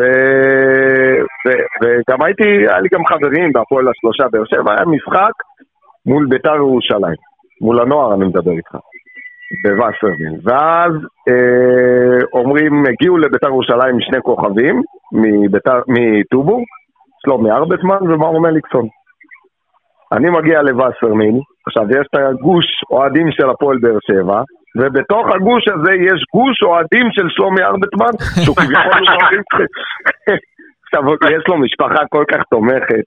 באמת, זה בא מהבית, אתה רואה ש, שגם uh, הוא דיבר על זה, שההורים שלו שאומרים uh, גזרי עיתונים וזה, אז אני בטוח שקודם כל אפשר לזקוף לזכותם את החלק גדול בהצלחה ובקריירה ובתקיפה. אין ספק. אמ, אבל אני רוצה להגיד לכם, באותו משחק, באמת שהיו שם שני שחקנים על המגרש. שלומי ארבטמן ומאור מליקסון אני לא ראיתי דברים כאלה. ברמה של נוער, באמת אני אומר לכם, אני לא ראיתי, ובאר שבע הייתה טובה באותה עונה. זה היה עם uh, שמעון ציבוני ועם זוהר חוגג וינון ברדה, והיה שם מלחמה על המגרש, אבל שני שחקנים באמת שאתה הבנת שמדובר כאן בכוכבים, ובאמת אני הייתי חייב לציין את זה כי אני כבר אז הבנתי שגדל כאן, גדל כאן חלוץ מטורף, וכמובן שחקן לידו לא פחות טוב. אני, קודם כל באמת תודה רבה על המילים החמות, זה באמת, אני, באמת, אתה, אני מתרגש, וגם אני זוכר את, את הרגע הזה, זה לפני המון המון שנים, כמעט 20 שנה, כן. אה, באמת היה שם נוער מטורף של בית"ר ירושלים, ואני יכול להגיד לכם שמאוד מאוד אהבתי לשחק בווסרמן. גם אם אתה מזכיר את זה בנוער של בית"ר, משם זה התחיל. גם כשהייתי בפועל פתח תקווה, וגם כשהייתי בבית"ר ירושלים, גם כשהייתי בפועל בתל אביב, גם כשהייתי במכבי חיפה, וגם כשהייתי בבאר שבע, אהבתי מאוד לרכוש בווסרמן. זה היה איצטדיון, בטבע בי"א באשדוד, אני יכול להגיד לכם שזה האיצטדיון נראה לי שכבשתי הכי הרבה שש. וקריית אליעזר, אבל נגד קבוצות שונות, וסרמן ואשדוד. לא עכשיו הוא דורך על פצעים, אתה מבין, גדעון? השמינית גמר מול כן, הפועל תל אביב, הוא נוגע כאן בנקודה חשובה, כי בסוף, אה, לשחקנים, בעיקר לחלוצים, יש את המקום שנוח להם. יש את המגרש שהם יודעים שהולך להם יותר טוב, יותר קל, אם זה הדשא, אם זה האווירה, אם זה הגודל של המגרש. וכן, זו נקודה שצריך להתייחס אליה, ובהחלט חלוץ, אה, לכל חלוץ אני בטוח שיש את ה favorite איפה לשחק ובאיזה מגרשים הוא יודע שהולך לו יותר קל. שלומי, איך אתה מבחינה תקשורתית? כי אני, עברת פה באמת קריירה במועדונים גדולים, כמו בית"ר ירושלים, כמו מכבי חיפה, הפועל תל אביב, הפועל באר שבע, מועדונים גדולים בקנה מידה ישראלי. ואחרי הודעת הפרישה שלך לא ראיתי איזה, אתה יודע, איזה באז כזה גדול יחסית לשחקן שעשה קריירה כזאת פה. תראה, אני, אני, כל הקרע שלי לא הייתי אחד שיודע בתקשורת כל היום, וכל היום מדברים עליו, וכל הזמן שלומי. הייתי, אתה יודע, נגיד, הייתי בכותרות, אבל לא, גם לי לא הייתי עכשיו מייצג את עצמי, ולא הייתי אחד שעכשיו מתקשר לכתבים בוא תעשו כתבות עליי, ואני כל היום בתקשורת. זה לא הייתי אני. נכון, היום במדיה שלנו אתה רוצה להיות למעלה, והרבה שחקנים אני יודע שעושים את זה, ואתה רואה אותם כל היום בכותרות. יש לא מעט שחקנים שיש להם לובי בתקשורת, בגלל זה אני שואל. בדיוק, בדיוק. אני לא מהסוג האנשים האלה, לא מסוג השחקנים האלה שבא ומרים את עצמי, אם זה במדיה, אם זה כל האינסטגרם, בפייסבוק, זה לא אני, זה לא משהו שמדבר אליי, זה האופי שלי, ככה חונכתי. נכון, אולי היום אתה כן צריך את זה, אבל אני לא הייתי רואה, בתקופה שלי, לא הייתי רואה את הדברים האלה. זה היה כן יכול לעזור לי, אני אומר לך שכן. אבל, אתה יודע, זה גם אני יכול להגיד לך, עשיתי כתבות באיפה לא עשיתי, ואני יודע שעוד יצאו עליי כתבות ועוד יצאו עליי רעיונות, אבל אני יכול להגיד לך, שמע, אני הרבה זמן לא הייתי בליגת העל, אני גם הרבה זמן לא שיחקתי גם בפציעה, אני ירדתי לליגה, אני ירדתי לליגה, אה, לליגות הנמוכות בגיל שלא האמנתי שאני אגיע, אבל אתה יודע, בוא בוא נגיד ככה גם, הרבה שחקנים שגם פרשו לפניי, לא היה יותר מדי רעש וצלצולים. לא היה, כי לצערי הרב, בוא נגיד לך, אני לא מתבייש להגיד את זה, לא יודעים להעריך מספיק, לא יודעים לכבד מספיק. אני אגיד לך גם משהו. אני מסכים איתך בעניין. אני אגיד, אני בן אדם, אתה מכיר אותי, אולי אתה מכיר אותי, לא, לא, לא הרבה, אבל אתה מכיר אותי. אני אחד שלא יוצא בהצהרות, אני לא אחד שמדבר הרבה. נכון, היום במדיה שלנו חייבים לדבר כדי להתקדם, ועם כל הכבוד, גם לעשות לך ציון וי בעיתון, זה לא בושה להגיד את זה, ככה זה עובד היום לצערי הרב, וזה עצוב לשמוע את זה, וכל היום בתקשורת להיות לכתבים. זאת האמת, היום אני יכול להגיד לך, אני מכיר, הייתי, הייתי יודע את הדברים האלה שהייתי עוד בזמנו לפני המון שנים, אבל לא מדבר על הדברים האלה, אני, לא יכול, אני הייתי נגעל מהדברים האלה. אבל, אני יכול להגיד לך, שהיום, אני, אני 100 גולים בליגת העל, ואני יכול להגיד לך, היום, אולי שכטר היחידי שיכול להגיע באמת ל-100 גולים, אבל אני הרבה שנים מאז שבאתי לארץ, אני כבר שבע שנים, עדיין אין שחקן שהגיע ל-100 גולים, וכל פעם אני אומר את זה, וכל פעם אני מדגיש את זה, שאתה רואה שיש מחסור בחלוצים, שחלוצים מנסים בקבוצות הכי טובות שיש, במודלים הכי גדולים, ולא מגיעים לכמות שאני הגעתי, שלא הייתי בארץ ארבע שנים, ולכמויות משחק. אז אני יכול להגיד לך שלא מעריכים, לצערי הרב לא מעריכים. לא, ולא סתם אני לא... יש ויש.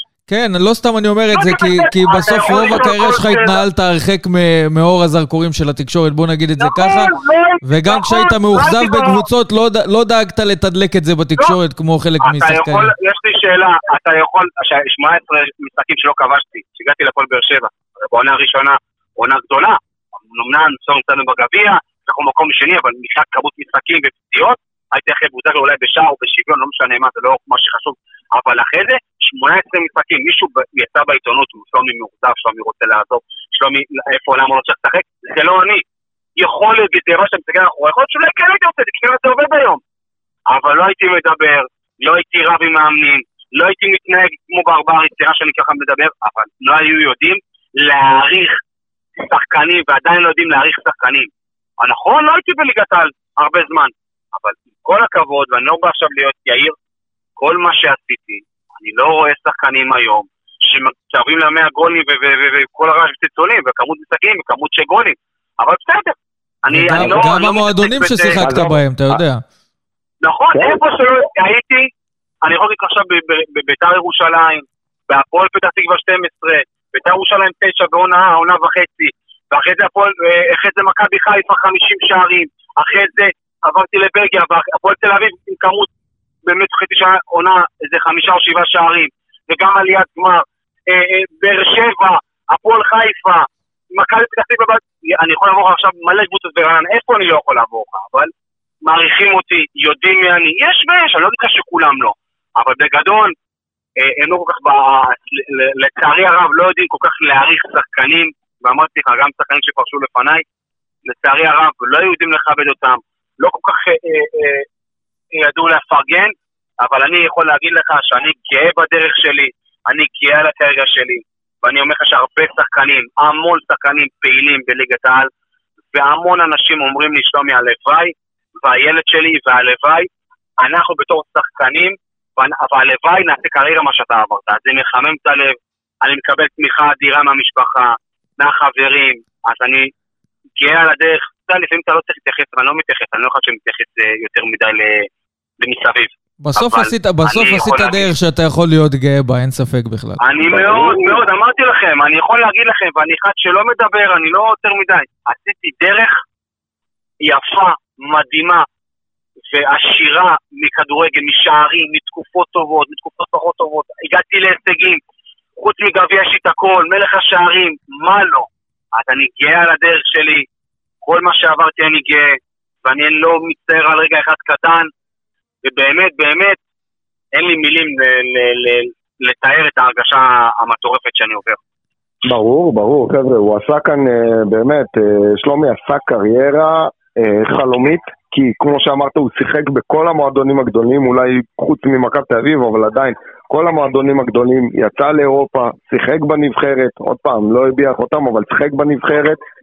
מכבי חיפה, עונת 2010, חברים, 28 שערי ליגה. זה מטורף, מטורף, מטורף. לפני שאני קוטע אותך, אתה יכול לעבור, לפני שאני קוטע אותך, אתה יכול גם לעבור על הכמות משחקים, הייתי פצוע שם, היה לי גם משהו בקרסול, היה לי איזה נקע שגם חודש ימים, והיו דוחפים, אתה יודע, שהתחלתי להרגיש טיפה יותר טוב, להכניס, הייתי במרדף אחרי שכטר, להכניס, תחשוב 28 שערים וכמות משחקים שאני לא כל כך זוכר בדיוק כמה לא שיחקתי, אם הייתי משחק מה היה קורה. אז... מה, מה קרה באותה עונה? ריחבת על המגרש פשוט. עבדתי, עבדתי, הייתי מאוד, אה, אני בן אדם שעובד, אני בן אדם שחוץ מכדור, חוץ מאימונים בקבוצה, הייתי מתאמן פעם בשבוע, הולך, סליחה, לפסיכולוג ספורט, הייתי מתאמן בחדר כושר, הייתי עובד עם אלון מזרחי פעמיים בשבוע. הייתי עובד קשה על מנת לבוא ולהתקדם. וכשאתה עובד קשה, ואתה חד באימונים, ואתה חד במשחקים, הגולים באים לך באמת, גם אם אתה לא רוצה, הכדור פתאום פוגע בך נגד הכי נצרת, אתה לא, לא אשכח את זה. הרמה מצילי מרים לך, איכשהו פתח, כדור מגיע לך, מול שער ריק אתה כובש. עבודה קשה היא בסופו של דבר משתלמת, וזו העבודה שלי הייתה. גם בקיץ, לא עבדתי, לא יצאתי לחו"ל, לא יצאתי לפגרה, התאמנתי קשה, והגיעו גם התוצאות, ומכאן יצאתי לבלגיה. שלומי, אז שיחקת גם בהפועל באר שבע, גם במכבי חיפה, וביום שני יש, אה, אפשר להגיד, משחק עונה בליגת העל בכדורגל. אתה עוקב אחרי הקבוצות העונה? אני, אני עוקב, ואני מסתכל, אז... ואני יכול להגיד לכם, מה זה כן? מה אמרת להגיד? להערכתך, מה, מה יקרה במשחק הזה ביום שני הקרוב? תראה, מדובר באמת בשתי קבוצות בכושר מדהים. באר שבע, אחרי הפסד כל כך באמת כואב למכבי תל אביב, אחרי שכבר כל סיבוב שלם לא, לא הפסידה, פתאום, אה, אתה יודע, להפסיד 1-0, וכבר יוצאים, ויוצאים די בהצהרות, ואולי שכדור שלג, ידעו לבוא נגד מכבי נתניה. ומי כמוך יודע את היריבות במכבי נתניה.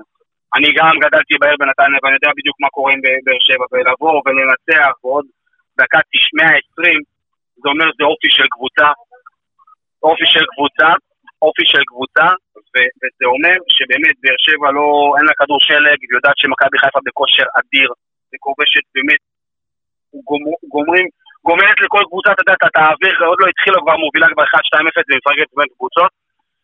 בבאר שבע זה הבית שלה, עיני הקהל שלה, כמובן זה יתרון עצום מבחינת הקהל, ומצפה משחק מאוד מאוד מעניין, אני גם רואה גם שערים. להגיד לך מה התוצאה, לא יודע. כי יהיה פה משחק של שתי קבוצות שירצו להיות זהירים, כי אתה יודע, אמנם אנחנו בסיבוב שני, אמנם הדרך היא עוד ארוכה, אבל אף אחד לא ירצה לבוא ולהיות פה איזשהו חשוף, כי כל אחד יודע היתרון של השני. זה גם משחק שיכול להיות, אה, להיות לו השפעה גם uh, להמשך. כן, אבל אני לא רואה פה, תמיד אני אומר את זה, אני לא רואה פה אם חלילה באר שבע תפסיד, לא משנה אם היא תפסיד, אני לא רואה פה איזשהו, ייפתח פה פער, או יהיה פה איזשהו משהו, אה, זהו אליפות סגורה, זה לא נכון. יש עוד הרבה משחקים, ויש עוד הרבה מפגשים, מחר מול השנייה בפלייאוף, אבל יכול להיות שיהיה איזשהו דרך לאחת הקבוצות שמי שתנצח, שיפול ויגיד אנחנו בכל... לא, אני לא רואה את זה ככה. אם חיפה תנצח, עדיין לא נגמר הסיפור, ואם באר שבע תנצח, עדיין, לא, עדיין לא יהיה סיפור. הולך להיות להם מאבק צמוד, שתי קבוצות באמת שכיף לראות אותן משחקות, שכובשות המון שערים, באר שבע מעט סופגת מעט פחות, אתה הולך להיות עם ההתקפה של מכבי חיפה נגד הגנה של באר שבע, וגם ההתקפה של הפועל באר שבע מול ההגנה אולי קצת פחות טובה, לא כמו באר שבע, של חיפה, אבל הולך להיות באמת פה קרב, מצ'אפ מטורף, וגם בין שני מאמנים, שימנו אותי, הולך להיות מצ'אפ מעניין מאוד. האמת שזה מעניין מה שאתה אומר, כי אני חושב שגם הדיבור פה ובכלל באופן כללי בארץ רואים את מכבי חיפה קצת יותר יצירתית, קצת יותר אה, צבעונית ותוססת, ואת הפועל באר שבע יותר טקטית ומסודרת ויותר אני, הגנתית. אני, אני, השאלה אם זה יספיק. אם, אם, אם, ביום שני מנצחים באר שבע, מה יגידו? מה יגידו? מה התקשורת תגיד? מה באר כל באר שבע תגיד? הקבוצה הכי טובה ניצחה? או שחיפה תנצח את הכי טובה? אז רואים באמת שמכבי חיפה אולי יותר קל להם לכבוש, באמת לרמוס קבוצות, אבל באר שבע מבחינת הגנה היא הרבה יותר חזקה, וגם בוא נגיד ככה, רוקאביצה וחזקאל חסני ורמזי ספורי בתקופה אדירה, והחלק הקישור של באר שבע נותן שערים, אז אני חושב שיותר מדי יוצאים בהצהרות, חיפה יותר, חיפה היא בכושר, בוא נגיד, יותר, אולי טיפה יותר טוב ממכבי חיפה, בפועל באר שבע, סליחה, אבל אני לא רואה את זה עכשיו, שאם מכבי חיפה מנצח נגמר הסיפור, ממש לא. באר שבע תבוא, עם הקהל שלה, אתה אומר קרב עד הסוף. הקרב לדעתי, כבר אמרתי דיברתי איפה שלא, איפה שאתה לא רוצה, הקרב יהיה לדעתי עד הסוף. המשחק הזה לא יקבע שום דבר, אם זה יהיה ניצחון של אחת הקבוצות, אני לא רואה בזה קורה. טוב, אני מקווה שהפועל באר שבע תעשה את העבודה במשחק הזה, אבל שלומי, מבחינה אישית, מה היעד הבא שלך אחרי הפרישה מכדורגל? עוד פעם, סליחה, לא שמעתי, סליחה עוד פעם. אני אומר, מבחינה אישית, מה היעד הבא שלך אחרי הפרישה מכדורגל? אני, סליחה, אני רוצה, לי, רוצה להישאר בתחום של הכדורגל. אני סיימתי, גם כשהייתי במודיעין, הייתי מאמן ילדים אה, ג' שמה, והייתי בתקופה קצרה מאוד, ועשיתי אותם באמת שינוי מדהים לילדים. אחד הגיע לשוער, שהייתי מעלה אותו כל פעם לקבוצה שלי, הגיע למכבי תל אביב. אה, חלוץ שלי, שכבש המון שערים, הגיע למכבי פתח תקווה, אני מקבל הודעות בלי סוף מההורים. אני מאוד מאוד, אני מאוד נהנה, נהניתי מאוד שם עד לפני שנתתי, נהניתי מאוד, הייתי הולך למשחקים, אם הייתי מפסיד הייתי חוזר הביתה, כמו שאני מרגיש כשחקן כדורגל, ואני לא אשכח את זה. אני פשוט, הוא לא, הוא מפסיד, הולך הביתה, פשוט כואב לי. כי זה, הכדורגל היא האהבה שלי, הכדורגל שלי זה באמת, זה משהו של כל החיים. ואני עכשיו מעביר את זה לילד שלי, שידע מה עברתי, והוא שומע והוא יודע, ואני מראה לו סרטונים, ואני כן רוצה להביא לדור הצעיר את מה שאני עברתי. זה מעניין מה שאתה אומר, כי מצד אחד אתה רוצה להישאר בתחום של הכדורגל, מצד שני גם מעניין אותך הדור הצעיר, אז אולי צריך נכון. לקשר בינך לבין מאור מליקסון, אתה יודע. אני אשמח באמת להתחיל באמת כמאמן, כעוזר מאמן, רוצה להתקדם, רוצה באמת להצליח, אבל אני יכול להגיד לך שאני באמת אומר את זה תמיד, שאני רוצה באמת לתת לדור הצעיר, כי תמיד שואלים אותי, למה, שלומי, אתה יודע מה זה מאמן, טק, טק, טק, טק, אמרתי להם, חבר'ה, אני עברתי מלא מאמנים מכל, מכל הסוגים. מכל אחד ואחד, אם זה בבלגיה, אם זה בארץ, ואני יכול להגיד לך שזה נתן לי עוד יותר מוטיבציה להעביר לדור הצעיר איך להעביר, איזה גישה לתת להם, איזשהו דרך להעביר להם, וזה מה שמעניין אותי ומסקרן אותי, ואני מוכן ללכת על האתגר הזה. זה משהו שאני אוהב, אם לא הייתי אוהב לזה, אז הייתי אומר, אוקיי, שלומי, בוא, תישאר, תישאר בתחום, תהיה מאמן, זה, פה, שם, אבל זה משהו שכן, זה שורף לי בנשמה, ואני באמת רוצה להעביר לדור הצעיר, כי יש פה דור צעיר טוב, שצריך כיוון, ווואלה, וגם, כן, ויותר מזה, צריך לתת לשחקנים, שחקני עבר שעברו את זה, רוצים את זה, חיים את זה, ועם כל הניסיון שלהם, להעביר להם את כל מה שאני למדתי, ואני עדיין למדתי גם, גם בגיל, גם גיל יותר מאוחר. למדתי ממעלה מאמנים. והנה אני אומר לך, הדוגמה הכי טובה, גם עם ברק בכר, גם מרוני לוי. אז uh, משני מאמנים באמת הטובים שיש בארץ, אני רוצה לתת כל מה שלימדו אותי לדור הצעיר והמוכשר שיש לנו פה בארץ. אז uh, שלומי, נאחל לך המון הצלחה בדרך החדשה, ובאמת נקווה שתצליח ונראה אותך גם במגרשים הגדולים כמאמן עומד בשנים הבאות. והיה כיף, היה כיף לדבר איתך, לשוחח איתך, לשמוע את הדברים uh, בצורה ישירה, וחימם את הלב באמת לשמוע אותך ככה מדבר uh, מלב אל לב. כן, מלא תשוקה, מלא אהבה לכדורגל, ובהחלט אנשים כאלה צריכים להיות חלק מהכדורגל וחלק מהברכה של הדור הצעיר, ויכולים רק לתרום ולהוביל. אני רק רוצה להגיד לכם באמת תודה רבה, כל פעם שאני מדבר איתכם, אני, זה מחמם את הלב, כיף לי, ואני באמת מאחל באמת להפועל באר שבע המון המון הצלחה, באמת.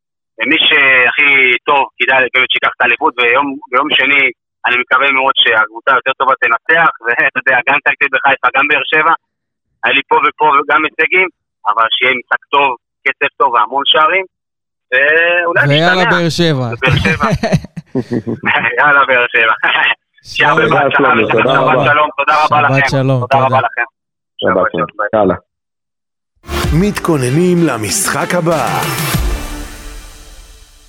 טוב, אז גדעון, מתכוננים למשחק הבא, יום שני, שמונה וחצי, אצטדיון טוטו טרנר, משחק העונה ראש בראש, הפועל באר שבע נגד מכבי חיפה, כל מה שמדברים עליו מתחילת העונה, גדעון, מצד אחד הקבוצה הנוצצת, התוססת, הצבעונית, מול הקבוצה הטקטית, המסודרת, ההגנתית והיעילה, שזו הפועל באר שבע, זה משחק על יוקרה, אבל משחק שלדעתי יש לו משמעות אה, רבה גם על ההמשך. דיברנו פה עם שלומי ארבטמן, הוא חושב אחרת. אבל ניצחון של הפועל באר שבע יאותת לכולם שיש פה קבוצה שיכולה לעצור את מכבי חיפה והיא לא מתכוונת לוותר לה בכזו קלות. הפסד, זה כבר ארבע נקודות הפרש בצמרת, כשאנחנו לא יודעים איך זה ישפיע מבחינה מנטלית, זו גם יכולה להיות uh, פגיעה בהמשך. כן, משחק uh, מסקרן, משחק uh, עונה, משחק שבאמת חיכינו לו, ואתה יודע, כאילו חיכינו למפגש הזה, ו- ומכבי חיפה מחכה למפגש הזה, וכל המדינה מדברת על המשחק הזה כבר עוד מלפני חודש וחצי, מה יהיה במפגש בין הפועל באר שבע למכבי חיפה, ואמרנו, אה, במשך כל התקופה האחרונה אמרנו שזה משחק של מי ימצמץ ראשון ושאסור לנו לאבד נקודות, לא לנו ולא להם אה, כביכול עד המשחק ה, אה, ביום שני בטרנר. בסופו של דבר להפועל באר שבע היה פיצ, אה, מצמוץ קל אה, מול מכבי אה, תל אביב והיא מאבדת גם את הפסגה. אה, מכבי חיפה עוברת אותנו בנקודה, מגיעה למשחק אה, בטרנר ביום שני עם אה, רוח, אתה יודע יודע, מטורפת, כי הם רק ברביעיות וחמישיות, במיוחד בחודש האחרון. להגיד לך, אני חושב איפשהו, אתה מכיר אותי כבר, אני בן אדם אופטימי מטבעי, אני חושב שאיפשהו, כל ההכנה הזאת וכל התפאורה המטורפת הזאת, משחקת איפשהו גם לטובתנו. אני רק מקווה שזה אנחנו, לא יהיה משחק של תיקו, גדעון. כי אנחנו באים קטנים, אנחנו באים אה, ש...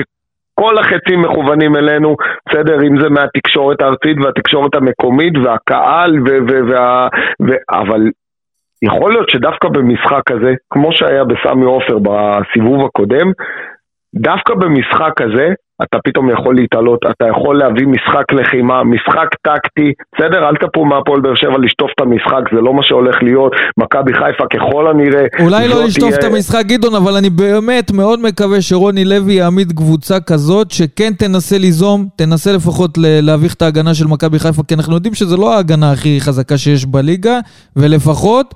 קבוצה שלא תשחק בפחד ולא תיתן יותר מדי כבוד למכבי חיפה כמו מה שראינו מול מכבי תל אביב, כי בכל זאת משחק בית עם הקהל והדחיפה באיצטדיון טרנר, הפועל באר שבע יכולה גם לאיים על מכבי חיפה, זה לא עכשיו איזה סיפור ש... שאי אפשר uh, להתמודד איתו. אם הצלחנו לנצח את אינטר באיצטדיון טרנר, אז גם את uh, מכבי חיפה זה אפשרי לנצח. אז, אז אני מסכים איתך וזה מתחבר למה שאמרתי מקודם uh, מול מכבי תל אביב.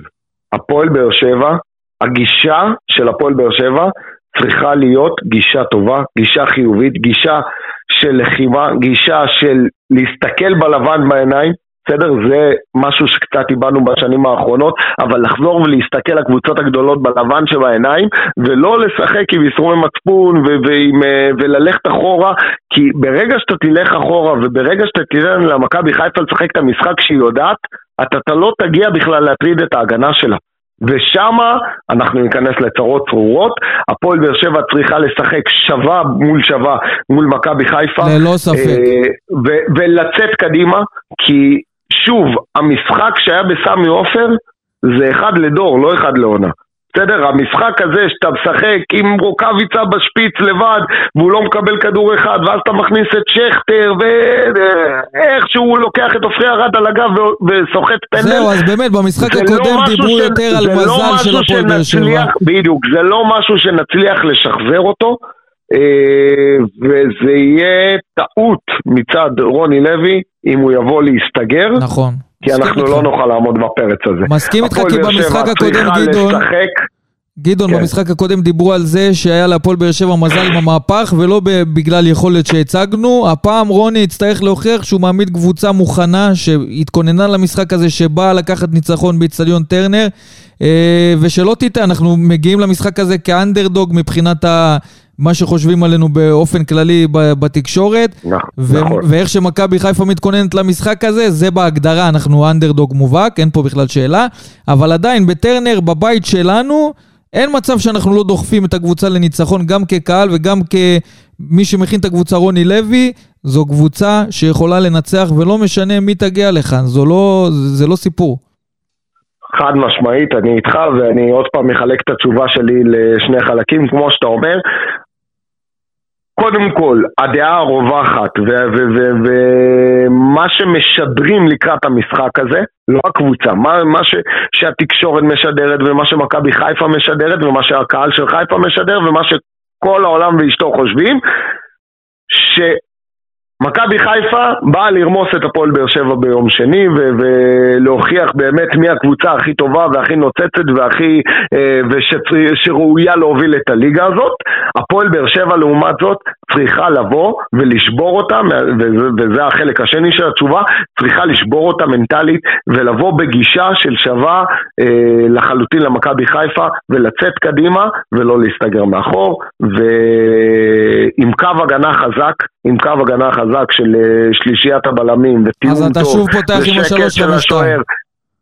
חד משמעית, חד משמעית, כי אם הוא יתחיל לשנות את זה שוב, ועושה את זה עכשיו, יעשה עוד פעם את ה-4-3-3, ואנחנו נחזור למה שראינו בסמי עופר. יהיה לך חלוץ בודד, עוד שני שחקנים בכנף ש- שהמגנים שלהם יבטלו אותך, ואתה לא תצליח, אתה לא אז, תצליח לפתח את אז המשחק לקראת ככה. המשחק הזה, אם אתה באמת רוצה לפתוח עם 3-5-2, לקראת המשחק הזה אלדר לופס אובחן חיובי לקורונה, כל השאר שליליים. אז מה, אנחנו מסיטים אני את אלחמיד ש- לשמאל? קודם כל, אני, קודם, כל, קודם כל אני מקווה שזה יישאר ככה ולא יהיה לנו עוד חיובים לקורונה, במיוחד בתקופה המטורפת הזאת. לעומת זאת, מכבי חיפה, אני לא יודע, אני בחיים שלי לא ראיתי שחקנים כל כך בריאים, אבל אתה יודע מה גם? אני מתאר לעצמי שהם לא יכולים, אה, לא יכולים להידבק, הם אה, כאלה כל כך כן, אה. חסינים, ובתקופה מטורפת ששום דבר לא יכול אולי לבוא עליהם. שלופז אבל- ידווח שהוא היה במגע עם אצילי, חזיזה כן. ושרי. כן, כן, חופשי. אבל אה, איך אני פותח? לגבי השוער אני לא יודע לענות לך. אה, לא יודע, מצד אחד גלאזר מאוד אה, נתן שקט והוכיח את עצמו לאורך כל העונה, אז הוא ראוי. מצד שני, ארוש יש לו את המשחק רגל, ויכול להיות שדווקא השוער עם משחק רגל במשחק הזה, זה יכול אני, להיות יש לי סופר תחושה חשוב. שרוני ילך כ- עם גלאזר. אני גם חושב, זה די obvious, אבל אני אומר ש...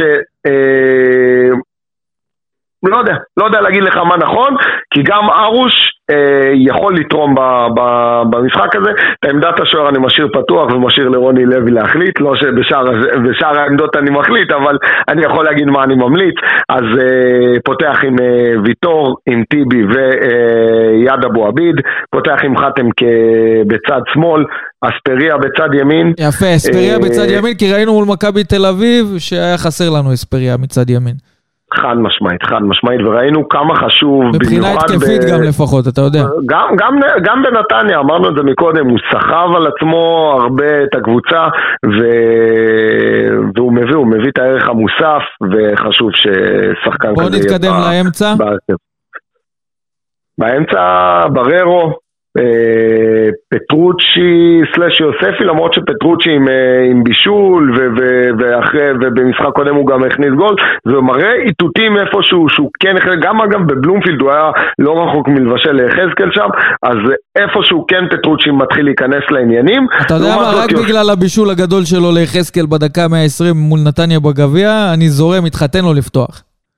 אני, אני גם חושב, אני אגיד לך גם למה, כי גם יוספי, איפשהו שהוא נכנס, כמו שאמרנו נגד נתניה, שהוא נכנס במחצית השנייה, הוא מביא איתו רוח גבית, הוא... לכן, אז כן הייתי פותח עם uh, פטרוצ'י, וכמובן uh, ספורי, בסדר שזה השחקן, uh, אין מה לעשות, הכי חם שלנו תגיד, העונה. אני סתם זורק לך ככה רעיון, תגיד לי אם אני באמת הולך יותר מדי רחוק, או שזה הרפתקה שאי אפשר ללכת איתה. ספורי ומיכה ביחד לא הולך במשחק הזה?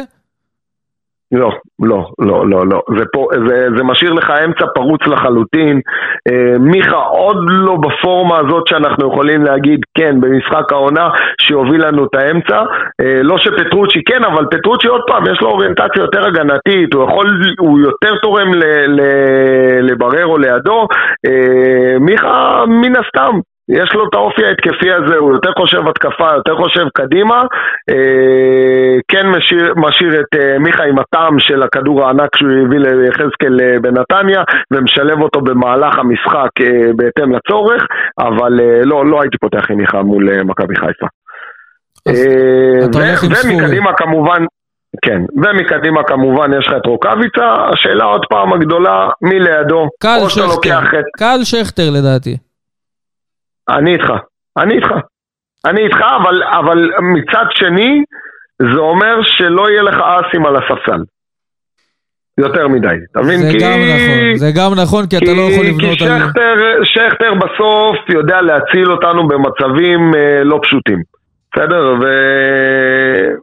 אז בוא, כדי, אז, כדי אז, לתת לך ליהנות מהספק, גדעון. אז יש לי שתי התלבטויות בהרכב הזה, העמדה של ליעד רוקאביצה ועמדת השוער. כל השאר השלמתי לך. טוב, הנה, אז אנחנו, אנחנו נחיה בשלום, גם אם זה יהיה ארוש או גלאזר, וגם אם זה יהיה, אתה יודע מה, יחזקאל או שכטר, אני אחיה יותר בשלום אם זה יהיה שכטר ולא יחזקאל, כי שכטר, במשחקים כאלה, מעמדים מהסוג הזה, יכול להביא את מה שהוא יודע ולהטריף גם את שאר השחקנים, ולא רק את היכולת שלו מבחינה אישית. הרבה אמונה, הרבה, אם אנחנו דיברנו על ההחדרת אה, מוטיבציה הזו ועל האמונה שיש לשחקנים בעצמם, שכטר במשחק כזה יכול להיות מאוד uh, משמעותי, לפחות בהתחלה ב, ב, במחצית הראשונה. לא, לא יקרה כלום אם uh, רוני ייתן לו לפתוח, כי ראינו שגם מבחינה מקצועית הוא תורם את שלו, ויכול להיות שנראה ממנו גם דברים יפים. משהו באמת ככה לסיום. ראינו בקהל שלנו לא מעט ספסרים, כאלה שמוכרים כרטיסים לאוהדי מכבי חיפה. אבל לדעתי צריכים להבין דבר אחד, שזה גם חלק מאמונה של קהל בקבוצה שלו, כי בסופו של דבר זה משחק ראש בראש, הפועל באר שבע מול מכבי חיפה, ואתם בעצם נותנים כוח לקהל של הקבוצה היריבה לדחוף את הקבוצה שלו במשחק הזה.